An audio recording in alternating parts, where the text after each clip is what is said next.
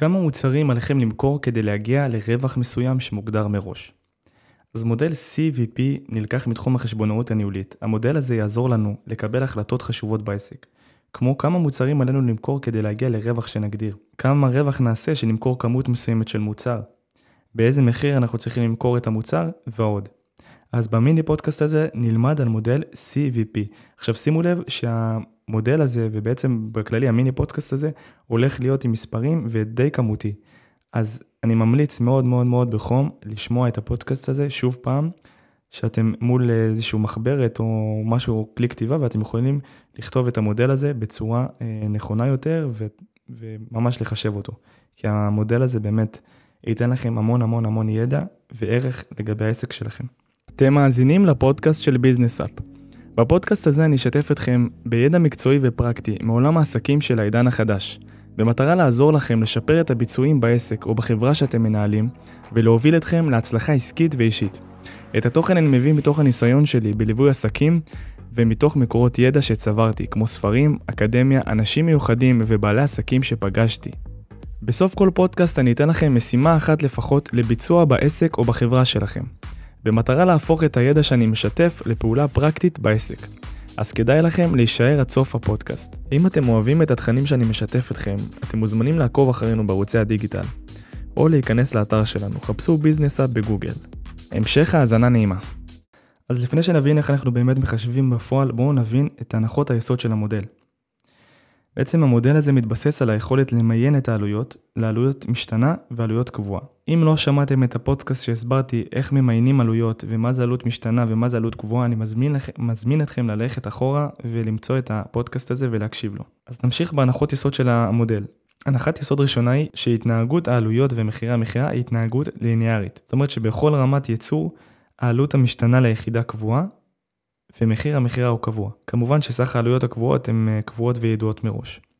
כלומר, לא יהיה ניתן לשנות את מחיר המוצר או את העלויות הקבועות או המשתנות במשך כל תקופת החישוב. הנחת יסוד שנייה היא שאין יצור למלאי.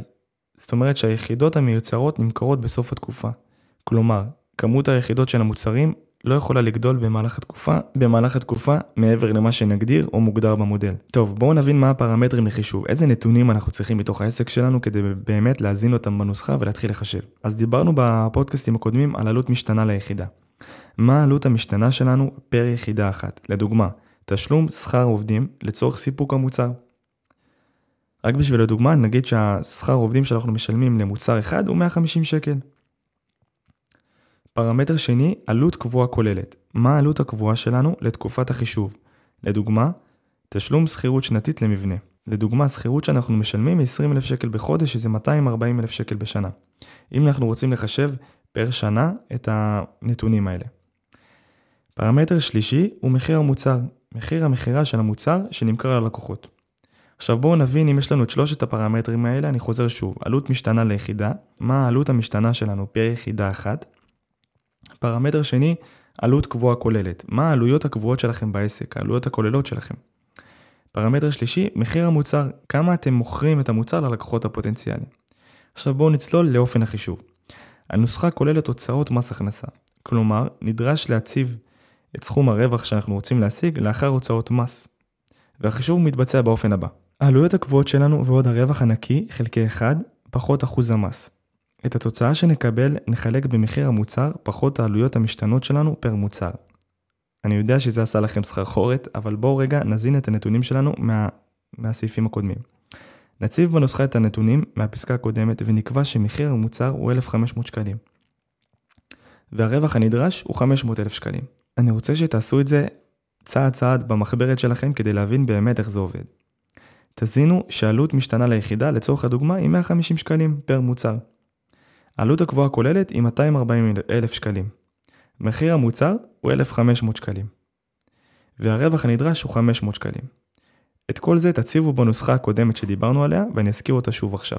אתם לוקחים את העלויות הקבועות שלכם, מוסיפים להם את הרווח הנדרש, חלקי 1 פחות אחוז המס. את התוצאה אתם מחלקים במחיר המוצר שזה 1,500 לפי מה שהגדרנו, פחות העלויות המשתנות פר מוצר שזה 150 שקלים. אם קיבלתם שהתוצאה היא 487 אתם עשיתם את זה מצוין. המשמעות של 487 היא בעצם שעלינו למכור 487 מוצרים מהמוצר הספציפי הזה שהגדרנו, על מנת להגיע לרווח של 500,000 אחרי מס. משימת הסיכום למיני פודקאסט הזה היא קודם כל להשתמש במודל CVP ולתרגל אותו כמה שיותר כדי להבין באמת איך הוא עובד.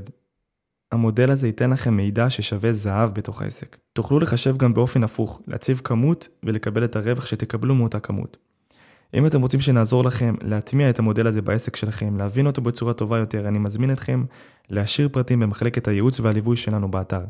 חפשו ביזנסה בגוגל, כנסו למחלקת הייעוץ והליווי שלנו ותשאירו שם פרטים. נתראה במיני פודקאסט הבא.